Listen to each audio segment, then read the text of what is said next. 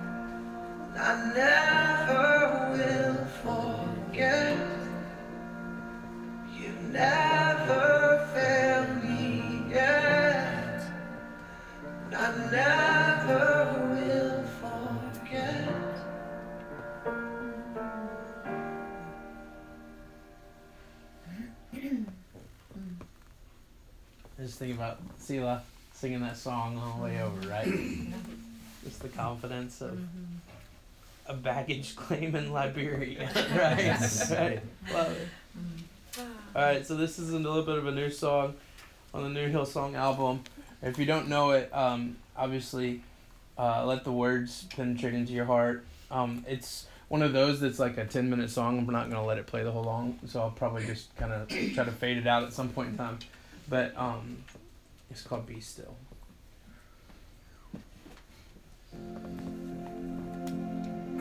Mm-hmm.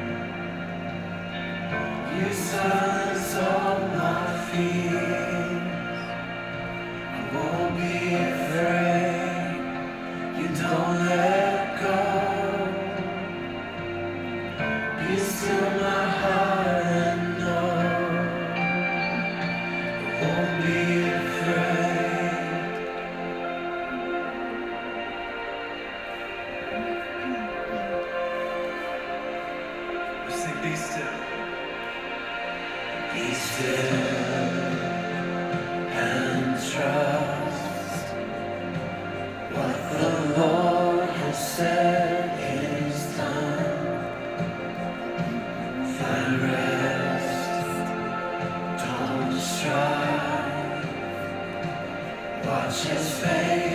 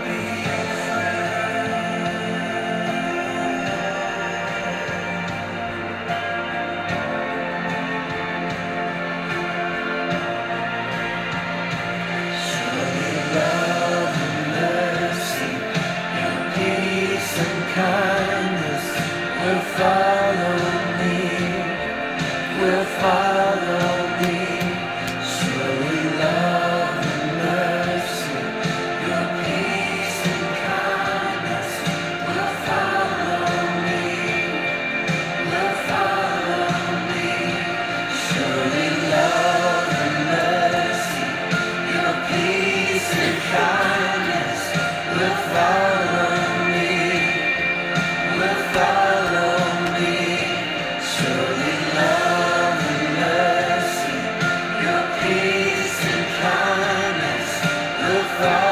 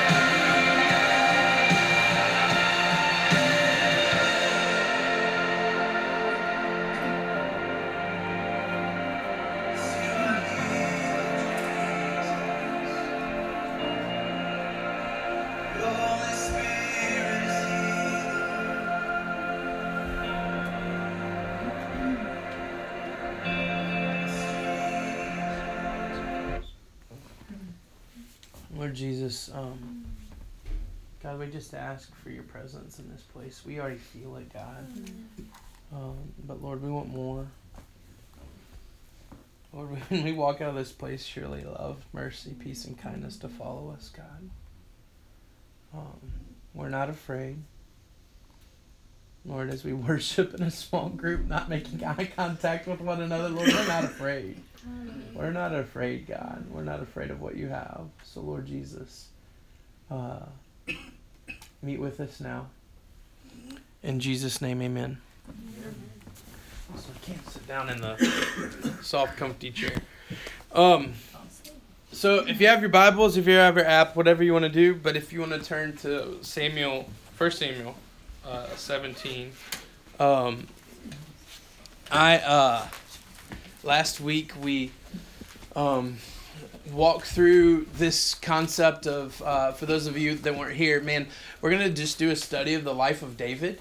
Um, the idea of uh, he's the one that speaks the word Selah more than anyone else in Scripture, or speaks it but writes it. Um, and before we really dive into Selah, probably should find out more about the person who says the word the most. And um, it was really unique. Back in January, God had kind of given me a sermon series that I thought was going to be for High Point at some day. And um, the Lord just really, it's for this moment. And it's been really super ordained by the Lord.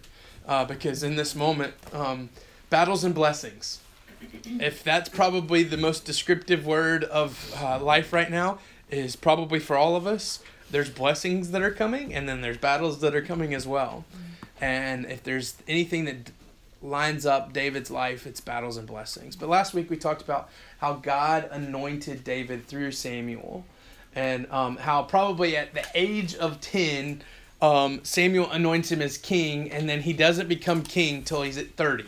And even this passage that we're studying today is one of the most famous passages in all of Scripture. Man, people um, who don't believe in Scripture yet love the folklore of Scripture that they think it's folklore, um, uh, even study this passage. Um, but uh, it's fun. This is one of those passages that you could study and you could write a bajillion books on. But the idea of David and Goliath. Uh, David's not king. He's nowhere close to being king. In fact, he's not even fit to fight yet. Um, he's not fit to fight yet. But if you think of it in this these categories, um, David is anointed by Samuel, and as we talked about last week, the awkwardness of the prophet of God pouring oil over the least of the brothers, the ten year old, and then leaving, like, and Samuel's just drenched in oil. I mean, uh, David's just drenched in oil. Samuel leaves. Then a few months later, from what we know in Scripture, Saul begins to have either nightmares or he's having some type of issue sleeping. And he wants someone to come play. And in that just like the lord? David already as a young kid has a reputation of someone who's gifted with music and be able to play. So they call david and his first step into his kingdom think about it god's already poured and anointed given it to him his first step into is to come serve the current king mm-hmm. by singing and ultimately worshiping God.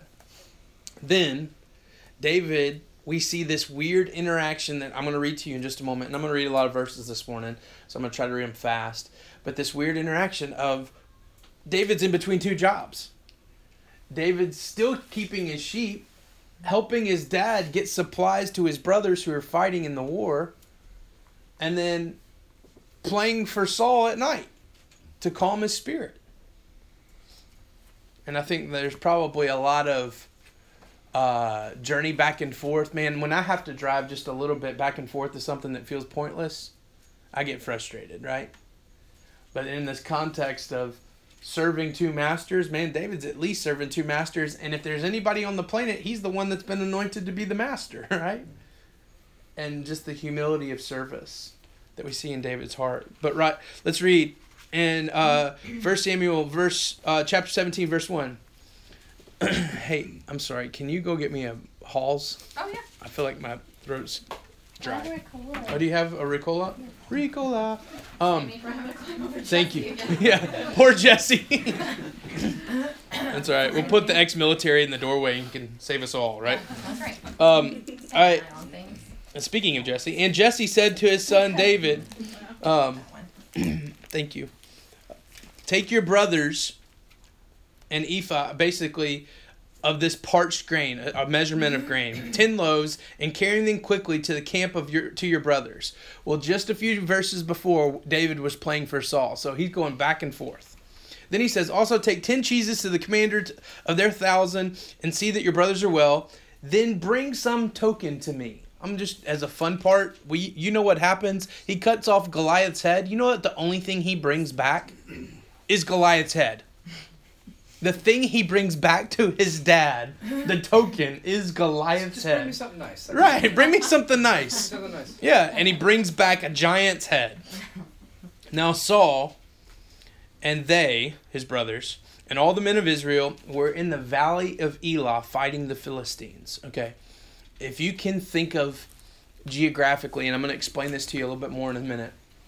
Israel or Jerusalem is a city on a hill, literally. Okay, it's a peak, and there's this mountain mountain range that runs right through the middle of Israel, but leading up to it are some smaller mountains. Okay, so to the west of um, Jerusalem is uh, the coastal range. So Tel Aviv, if you're familiar with Tel Aviv, it's on like sea level, the Mediterranean Sea. And then there's these peaks and valleys, and it and it climbs until you get to Jerusalem. And Jerusalem, somewhere in that 6,500 feet above sea level. Okay, um, but in that midst, the Philistines were a coastal. They actually came from Crete. Okay, they were like seafaring people, and they came from from the islands and they come up against and you've got this weird dynamic of Israel or the nation of Israel in Jerusalem has the advantage because they're up on this peak. But in moments the Philistines could claim the other peaks.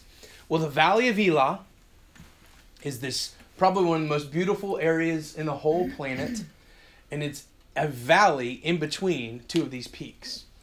To the west is the Philistines because they've come from that direction, and to the east is the Hebrews, the nation of Israel. And so ultimately, nobody's going to move. Because the moment you go down in the valley, you've now given your opponent the advantage of having the high ground. Mm-hmm. And so it's a stalemate. So listen. Verse 20. And David rose early in the morning. Wait, I'm sorry. Is that right? It's 20. Did I skip ahead? Yeah, I skipped a good bit ahead. I'm sorry.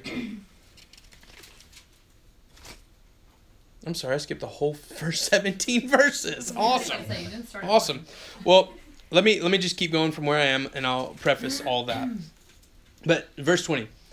So David rose early in the morning, left his sheep with a keeper and took provisions and went and as Jesse had commanded him and camped uh, to and he sorry, and he took provisions and went as Jesse commanded him and he and he camped to the ca- encampment. Um, as the host was going out to the battle line, shouting a war cry, and the Israelite and, and Israel and the Philistines drew up for battle, army against army. And David left things in charge of the keeper of the baggage and ran to the ranks and greeted his brothers. He talked with them. Behold, the champion, the Philistine of Gath, Goliath by name, came up out of the ranks of Philistine and spoke the words, the same words as before. He's been challenging day in and day out. He's been walking down with an armor bearer and coming down to the valley. And ultimately, when they would have a stalemate, this was an old form of man to man combat. And ultimately, it would it was a gentleman's agreement. If your champion beats our champion, we'll surrender to you. Instead of having tons of bloodshed and it's a stalemate, we'll send one guy, you send one guy, kind of thing. Well, you know the story. For days on end, Goliath would come down and no one would challenge him. Why? We all know why. He's a big dude. From what we can tell, he's uh, somewhere in the neighborhood of seven two. Okay? For back then, that was a giant. Still is a giant. But back then that is unheard of. Mm-hmm. From what we understand, the average Hebrew would have been somewhere in the neighborhood of five six to five seven. But a giant is standing in this valley, challenging day in and day out. I want to say this to you the first point. Anointing is given at the mountaintop in order to walk by faith through the valley. Think about it. David had been anointed king. Mm-hmm. That's a mountaintop experience. But there's always a valley to walk through. And the only way we walk through a valley is by faith. What's Saul's plan here? Saul's the king. David goes to Saul. If you back up in verse 7, it's explaining Goliath's um, spear. The shaft of his spear is like a weaver's beam. The, his spear's head weighed 600 shekels of iron. His shield bearer went before him. He stood and shouted battle ranks of Israel, "Why have you why have you come out to draw up for battle? I am a Philistine. Are you not servants of Saul?" He's calling Saul out because all his guys are wimps. Is ultimately what he's saying. So Saul's king and also a battle king. Like he knows it'd be like uh, George Washington. George Washington was the general, and then he became the president. He was a tactician. He knew how to think. Saul in the same way. So what's the plan? What's Saul's plan here? Saul's plan is wrapped up in his own failure. He doesn't want his legacy tarnished here. So I'm going to sit on this hill instead of stepping down to fight. Instead of even retreating and or trying something we're just we're satisfied with the status quo. But david the ruddy young kid gets up. Is not okay with it. Now david was the son of ephraim the son of bethlehem. He was the youngest. He was the el- um, the three eldest were there and for 40 days he the philistine had been charging them. Okay now i've prefaced all the verses i skipped sorry. And he and let me skip down to verse 29 what have i done now? David said. Was it not a word? And he turned away from him toward another and spoke the same way to the people and answered before when the words of david that David spoke were heard, they repeated them before Saul. And David said to Saul, Let no man's heart fail because of him. Your servant will go fight this Philistine. Y'all, David's the only one that's saying he's going to do this. Even his brothers. What are his brothers thinking? His brothers are sitting there. His brothers are wrapped up in the the fear. But watch, they're also going, "Hey, this isn't our fight. We're just supposed to fight when we're told to fight." And Saul said not to fight. So they've washed their hands. Saul's worried about his own failure when his brothers are not worried because it's somebody else's fight in their mind. When you don't come against a group of people and you come against an individual, the group of people all of a sudden divert the responsibility to the individual. Chip, man, we want to be around you guys in this season, right? Versus the idea of, no, we're just going to send Selah off to Africa and kind of hope for the best. We would be taking the position that that's not our fight. But man, our battle is not against flesh and blood. We're going to wage war in the heavenlies on behalf of Selah and Moses and you guys, right? In the same thought process, David's brothers were okay with the status quo just like Saul was. So, what's David's plan? He's anointed king. Just a few people know about it, but he doesn't process his legacy that way. He doesn't process failure. He doesn't see the failure.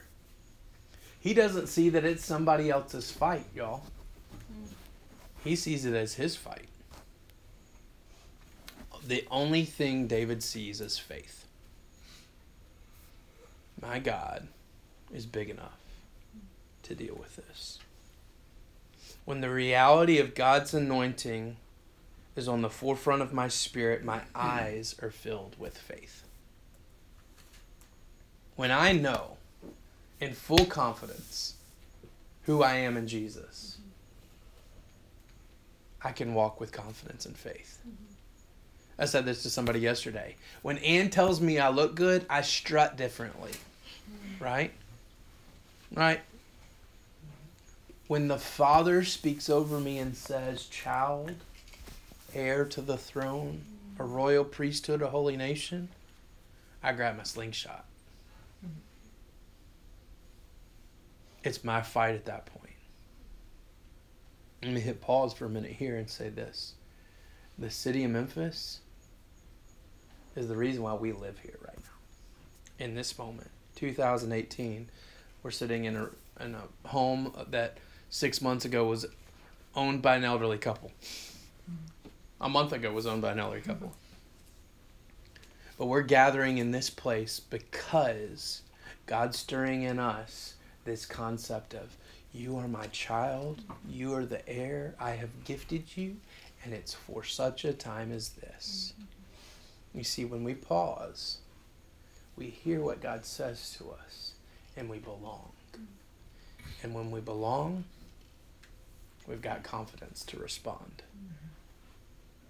The idea that religion tells us we need to respond so that we can belong and then maybe teach you how to pause is the thing that we're coming out of the, the mindset that we're rending away no but to sit and listen to allow samuel to pour the anointing oil over him. Then to feel that connection with god. And then to go why hadn't you shut this guy up yet? Verse 2 or point 2 the absurdity of the enemy makes it look one-sided but look closer. Always look closer. How many of you have ever had the boogeyman underneath your bed? It's not true. I can in full confidence say that's never happened anywhere. There's never been a monster in my, anyone's closet. There's never been a boogeyman underneath anybody's bed. But what does fear do? Fear takes the worst case scenario and presents it in a reality in my mind. When the reality is, what's underneath the bed? The very thing that's holding me up. The legs, the support of the bed is the only thing that's under the bed. And so I'm coming up with this concept of the idea that, oh, if the rug gets pulled out from under me, life's going to be horrible. Well, guess what, guys? What's underneath the rug? Concrete. It's just a little more uncomfortable. It doesn't mean it's different. Or it doesn't mean it's worse, I mean. The absurdity of the enemy looks so bad and one sided, but take a closer look. Always take a closer look. Hmm read this book, know, a lot of this that I'm about to read to you comes out of this incredible book by a guy who really probably doesn't believe in Jesus. He did a ton of study in this concept of underdogs and the reality of there's no such thing as an underdog. And he completely missed it when studying David and Goliath. Man, even in our vernacular, we use the term David and Goliath to talk about little kid versus giant, underdog versus impossible, right? Look at Goliath for a minute. Think about Goliath as a disadvantage. Uh, acromegalia. Acromegalia is a disease. Anybody know what it is? Giantism. Yeah, giantism. Andre the Giant had could not stop growing. But here's what acromegalia really is it's a DNA, some type of um, hereditary disease where it produces a tumor on the pituitary gland. The pituitary gland is gives is what regulates growth hormone, right? And so when the tumor gets on the pituitary gland, it just keeps pumping growth hormone. 95% of those that have acromegaly or this giantism disease, check this, have a tumor on their pituitary gland. You know where it is? Right there. You know what it does? It causes instability, tunnel vision, and blurred sight. So let's rethink through this idea. Goliath was a champion. He's got a history of being a champion. Now, could be very active and probably in hand to hand combat. Man, I don't want to have anything to do with him. But you know what he says? The Bible says that he has his armor bearer, but his armor bearer goes in front of him. Armor bearer has backup armor. Armor bearer wouldn't be going in front of. But as he tr- comes down the valley, it's almost like he's being led. Think of it in this concept. Listen to what Goliath says when he sees David. Saul tries to clothe David in the armor, one of the great verses in all of scripture. Saul David says to Saul, I cannot go with these for I have not tested them. Little boy telling the king, There's no wisdom in this. We need to well, there's a process that needs to happen here, and I'm not gonna trust this process. I don't need to do this. There's a new way to do things. And the Philistine, verse 41, and the Philistine moved forward and came near to David with his shield bearer in front of him. When the Philistine saw David, he disdained him, for he was young, ruddy, and handsome. When Philistine said to David, Am I a dog that you come at me with sticks? Sticks. David's description is he's carrying a stick, a single stick. What if? We can read into scripture a little bit. Let's read into scripture a little bit. What if Goliath has double vision here? He's saying sticks and David's carrying a single stick. What if he can't see enough and he's inst- unstable enough to where his armor bearer, his shield bearer, goes in front of him to lead him? His first statement when he realizes who David is and sees, what does he say? He says, Come closer.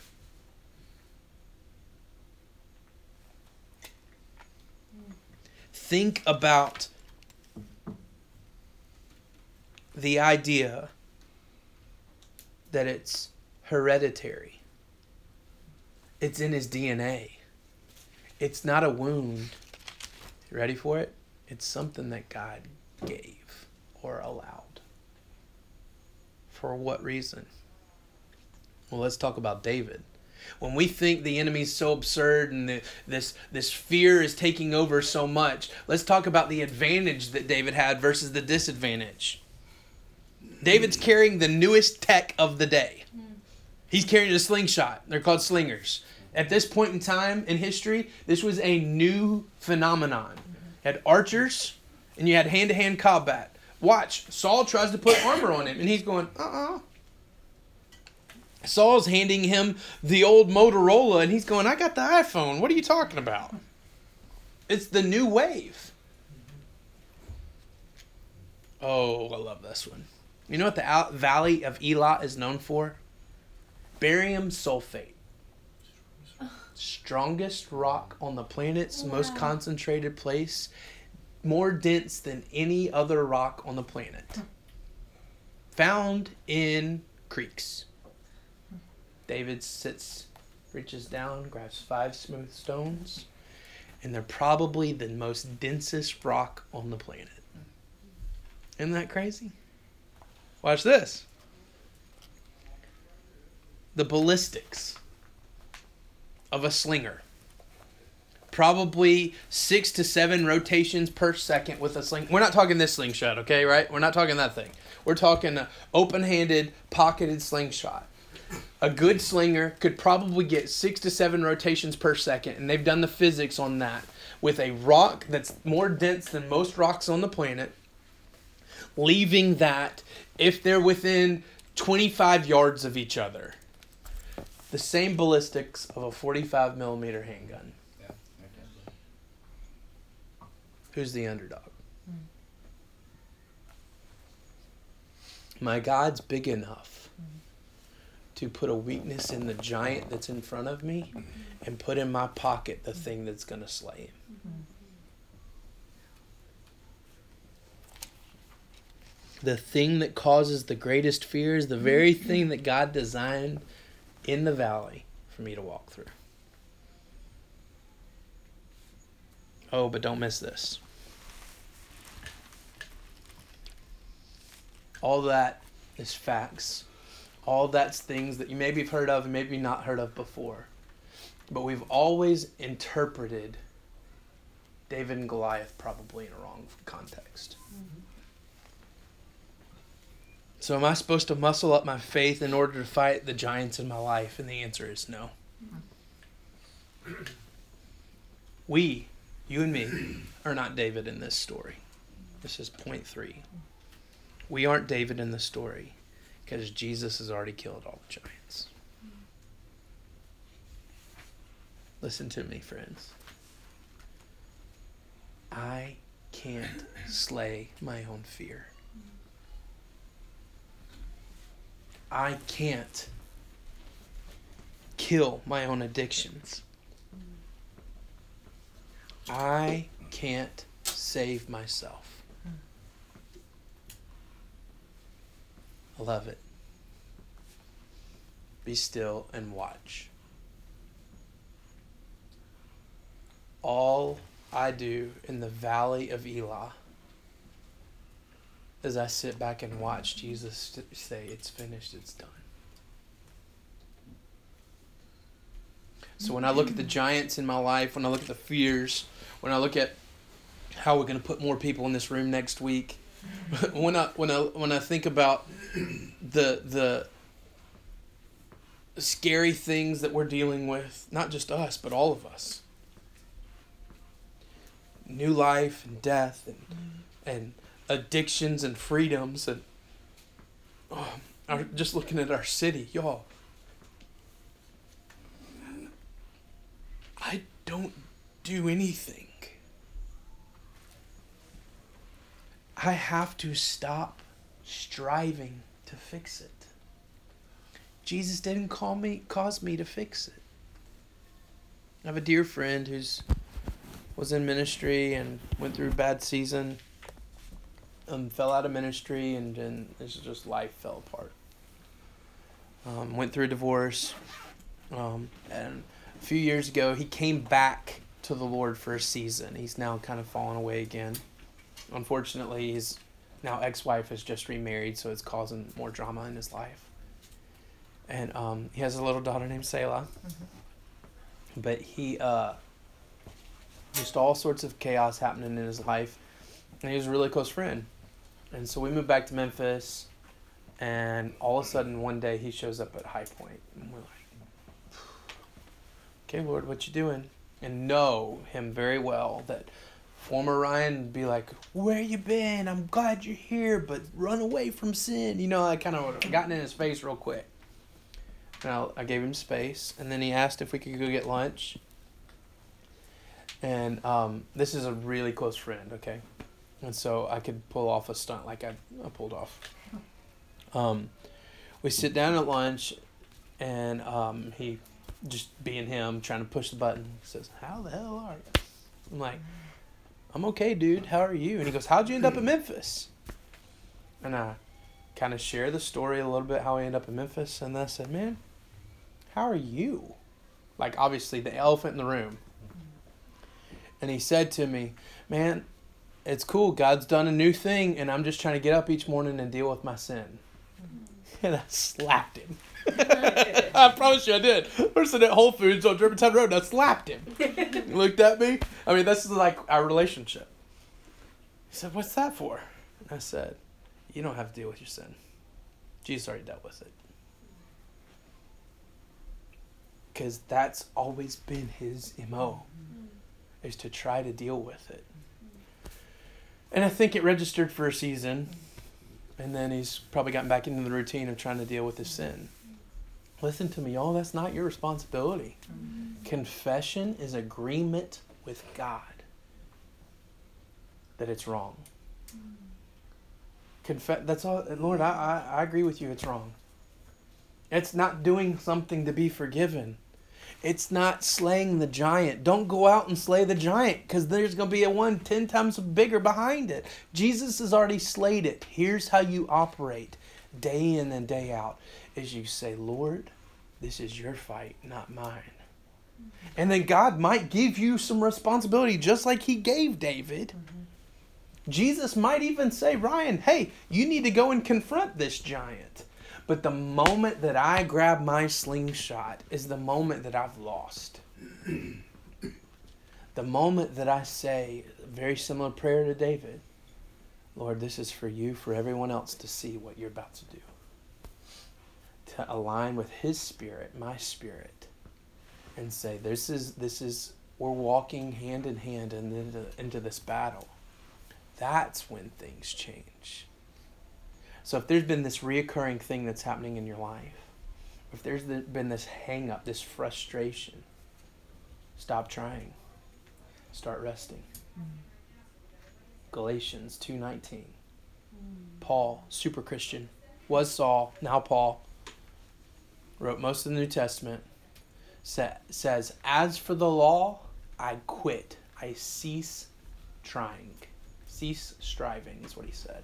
Because every time I try, it condemns me. But then, verse 20, he says, For I, the person who was created by God, who has the identity, have been previously, not anymore, I don't have to try to do it day in and day out, for I have been crucified, the most horrendous death imaginable at the time. I have been slain, for I have been crucified with Christ. In the same manner, my spirit, my flesh has been succumbed to this horrific mutilation of the, of the flesh. For I've been crucified with Christ, I no longer live. Because when I try to live, the law condemns me. So, Lord, I don't want to live today. I want you to live through me. For I've been crucified with Christ. I no longer live, but Christ lives in me. And the life that I now live in flesh, I live in faith by the Son of God who loved me and gave himself for me. You've got to hear. Yeah, come on, David. What you got? Nice and loud because I'm wearing a microphone. The late guy wants to speak. I can't. I, I can't stop thinking about this moment where David has the option of getting armor and facing um, the giant versus being exposed. You know, it makes me think about transparency. You're talking about confession and transparency, and it, it also doing doing things the same way we've been doing them. Mm. So this this this picture of, of religion and um, the way that we uh, try to shore ourselves up with good works or Bible Mhm. studies Mhm. or whatever, instead of facing this thing. I mean, I would feel if I was David with a slingshot facing this guy, I would feel naked. Like I would feel completely exposed. But that's that's that's faith, right? That's what you're talking about literally, literally just there with you, you're completely relying on God. You- We don't have the armor of um, good works or um, programs or whatever it is we're trying to do to overcome our hangups. Or at this po- as a church right now, I mean we're we're just a family gathering somewhere. Yep. I mean, we're So, not, so the Mhm. agility Mhm. that comes Mhm. Without the armor. There's only one way to put on this armor. And it's a process that they have developed so that it overlaps. Mhm. Goliath's probably, we, we don't really know, but from scripture you can kind of guess at some of the weights. Somewhere in the neighborhood of 50, 150 pounds of armor is what Goliath's wearing. He's a sitting duck. He's a sitting duck because you've got youth and agility Mm. versus the concept and process of former battle structure. Goliath had presupposed that this would be hand to hand combat, and so had Saul. Mm-hmm. Because Saul tried to provide the armor. Mm-hmm. And David goes, God's got a new way. Mm-hmm. It was perceived as being proactive. That they were not. Worry is not Mhm. proactive. Mm, Faith That's is great. proactive. Yep, yeah. Uh, a worried seems like it's proactive, seems like it's preparing. but man, you want to go look up what? And if you're a prepper, I'm sorry, but the people that are like uh, doomsday preppers and stuff, you know, like they've got like closets full of stuff like that. Okay, that that's a different level of preparedness. That's worry, right? Versus David had five stones. He was prepared. Mhm. He had five stones. Mhm. He only needed one. Did David also have the confidence because of taking care of the flock Mm-hmm. and God putting him circumstances to prepare him and Yeah. prepare his heart of fighting off bears, Yeah, and bears and lions, lions. Yeah. that were substantially larger than him Mhm. from a distance. Yep. So God So- will prepare us. Mhm. So until that moment, David would never know. Exactly. Oh, I can do this thing. Exactly. Until that moment, I, I, David would never had thought, oh, I can do this thing. And oh my goodness, I could probably preach fifty messages on this. It so sounds like Jesus in the garden Mhm. when Jesus is saying, "Lord, if there's any other way, Mhm. Lord," and and lots of theologians have talked about it. My personal opinion is Jesus wasn't concerned that his divine nature could go through with it. He was worried that the flesh was going to give out mm-hmm. before he could accomplish the sin. Mm-hmm. That's what that's how the how it reads when you read in the garden. He's saying, God, is there if there's another way for this cup to pass from me, the cup of wrath that's about to be poured out, if there's another way for this cup to be passed, is there another way? Is there another I- if there's any other way? And he says, in that moment, no, this is the reason why we're going. You've walked for this purpose. And then to the point of forgiving while he's on the cross, to the point of thinking of his mom, the point of of laying his life down literally to get onto the onto the cross. Um, so many good analogies between Jesus and David, um, but I think the best concept is uh, Goliath wasn't dead immediately. He could have been unconscious. He could have been dead, but but Scripture says that David felt the need to kill him by cutting off his head.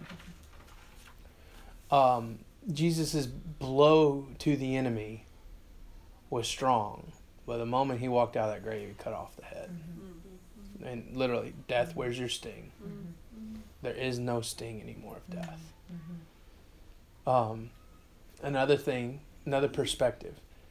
Uh, Goliath has multiple brothers and sisters throughout, our brothers in Scripture. Um, and we know that David's family and Goliath's, some of David's family were killed by giants by Goliath's family. But it stopped. Why did it stop? Because David cut the head off. Think about the nation of Israel as well. They've been fighting with the Philistines. They still could have been in a stalemate. They ran. Why'd they run? Because from their perspective, they don't. They're not seeing things up close. From their perspective, we've got a big bad dude and that little kid, basically running around naked, just knocked him down and cut off his head. They might not have even. I've even read they might not have even been able to see what happened until David climbs off and, and cuts off his head. Mm-hmm. Mm-hmm. And think about his his dad. That hey, bring me back a token. Mm-hmm. And he walks up, and he thinks about Samuel anointing him. He thinks about the things that God has spoken into Jesse about David. And we all are doing the same thing that they did. Okay, now we can see why a Jewish person today still calls it the city of David, the greatest king. Saul, Saul slayed, slayed hundreds, David slayed thousands. I'm reading uh, in my time alone with the Lord. Um, literally this morning, David has died, in the establishment of Solomon. And that establishment of Solomon um, is David's David's setting up his family. Uh, and where where did Solomon come from? Anybody know? Bathsheba's. Bathsheba. Wisest man on the planet, most blessed man on the planet. Came out of a horrific situation that we'll talk about in a couple Mm. weeks. Uh, one of the things that I love about what you said, Silas, is nobody knew that but David. Like, if his mm-hmm. brothers had seen him kill a lion and a bear, they wouldn't have reacted the way they did when he came up. And yeah, it was only only he knew what the Lord had done and what the Lord had taught him. Mm-hmm. And I know for me, lots of times I hesitate for for confirmation from others. You know, like Lord, surely mm-hmm. people are gonna, you know, it's gonna there's gonna be a general consensus about this if it's what you're really saying, but that's simply not the case. Yeah. And a lot of times I find for us, particularly in this season, that um, I know what the Lord has said Mm-hmm. and I know what He's done, and it's my responsibility for me to be faithful based on what I know and what I know He said. And nobody else really has to know, and nobody else has to understand, and nobody has to confirm. Uh, we had my parents were in town this weekend, and there's just a um, just a, a something personal for us. There's a major lack of understanding there between my family and what the Lord's called us to do, and um, it was hard for um, for us this weekend. But um, that's okay because they don't have to know and they don't have to understand because we know what the Lord has done and we know what He said, and that's um, that was the most important thing today. That Nobody else understood the context, but what he knew made him know what God could do. Did, If did he David also just say that to the king? Yeah. Child, my Lord will deliver me. Uh, uh, yeah, uh, he, just like he did when I grabbed the lion by the beard. Mhm. Yeah. Yeah. Exactly. Yeah. So, th- it, but everybody knew. Mm-hmm. That's right. Everybody that watched it knew, and then Yeah. everybody he walks back into Jerusalem, Yeah. which he would have walked back through his hometown in order to get back to. Jerusalem. I don't know where he laid the head. Well, and we know that they keep it for a season, which is weird. But he walk. Everybody knows Mm-hmm. After. after. Yeah. And then today we're reading it, learning about a pituitary gland, going, "Holy smokes!" Mm-hmm. I want to just say one more quick thing about motivation, because I, I don't know about you guys, but um, living this life in, in church, you know, growing up uh, in a in a Bible Belt city, Mm-hmm. there's a whole lot of there's a whole lot of ways to get off track Mm. with my heart, Mm-hmm. um, and I keep I keep thinking about uh, verse um, 26, where Dig is asking about the reward for removing this Mhm. insult. And it looks like he's motivated by two things. He's motivated by reward, and he's motivated by God's fame. Mm-hmm. Mm. And I, and I think it's somewhere in Hebrews 11 where it actually defines faith as believing that God exists and He rewards those Mm-hmm. Yeah. who seek Him. And you were talking about hang-ups and habits and addictions. And as an addict, Mm-hmm. um, I am, I, and and it, I'm learning that I'm motivated by reward. Okay, to be honest with you, when it comes down to it, it's Mhm. just me and the Lord. I'm motivated by reward, Mm-hmm. and um, eh, there's something honest about that. That I seek Mhm. God Mm-hmm.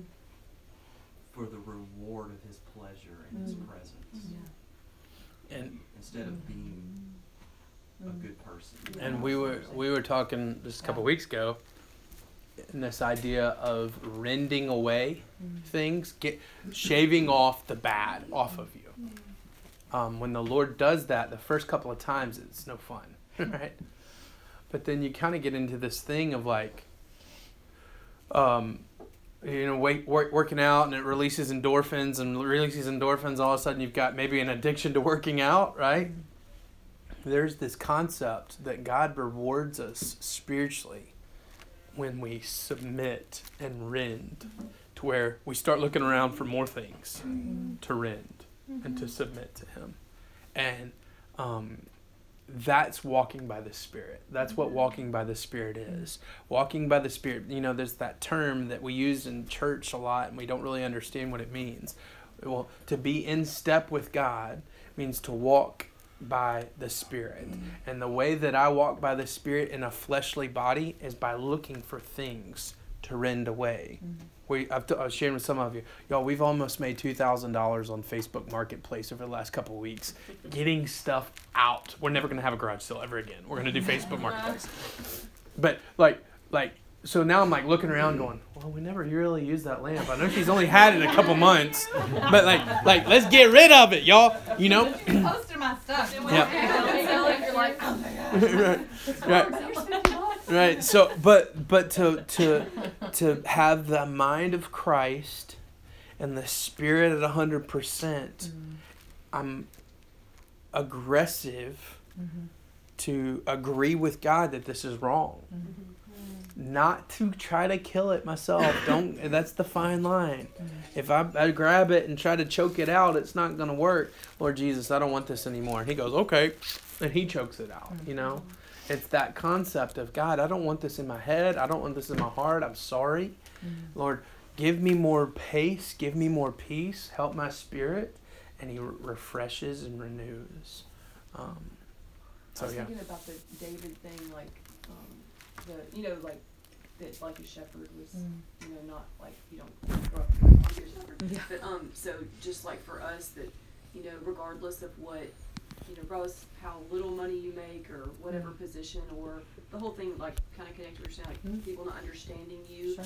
that, um, you know, because like our world is like, you know, all about like, you know, the whole like who you know or people affirming what you do and that mm-hmm. makes you feel, you know, more confident, but mm-hmm. that, um, that whatever it is, God is preparing you in your path for what he has for you, you know, and you Yes. needed, he needed to be a shepherd, like, Yes. you needed to be this, you needed to be that, it doesn't matter what, you know, it doesn't matter like by the world standard where you are and all that kind of stuff, you know, it's like the opposite, but I like that about it, cause it makes us, you know, we don't know what we're being prepared for, you know, especially whenever things really stink, um, Mm. or you, oh, I didn't get this job, or whatever it is, but that, um, it just, like, if, if we can like stay on the, you know, I'm gonna do what God wants me to do regardless of what it looks like, you know. Yeah.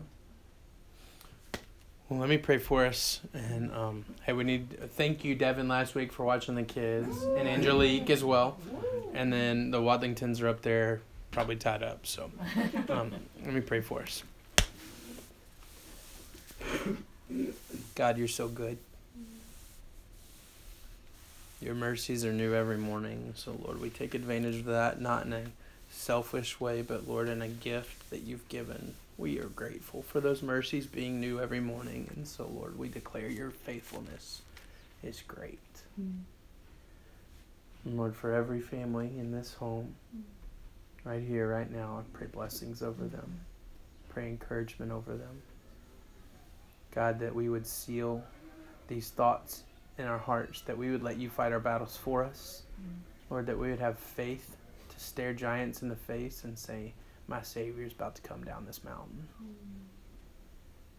And God, that we would walk through valleys when you call us to, and we'd stand on mountaintops when you would give us the ability to.